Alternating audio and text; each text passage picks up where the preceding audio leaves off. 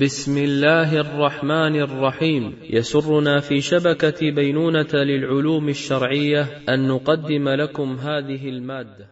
بسم الله الرحمن الرحيم.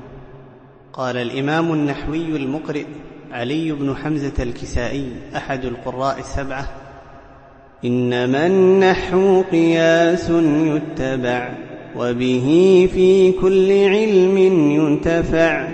فإذا ما أبصر النحو الفتى مر في المنطق مرا واتسع واتقاه كل من جالسه من جليس ناطق أو مستمع.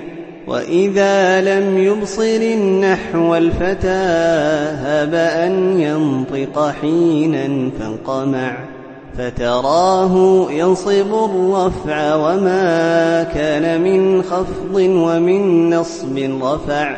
وإذا حرف جرى إعرابه صعب الحرف عليه وامتنع. يقرأ القرآن لا يعرف ما صرف الإعراب فيه ومنع. يحذر اللحن إذا يقرأه وهو لا يدري وفي اللحن وقع. يلزم الذنب الذي أقرأه وهو لا ذنب له فيما اتبع. والذي يعرفه يقرأه فإذا ما شك في حرف رجع.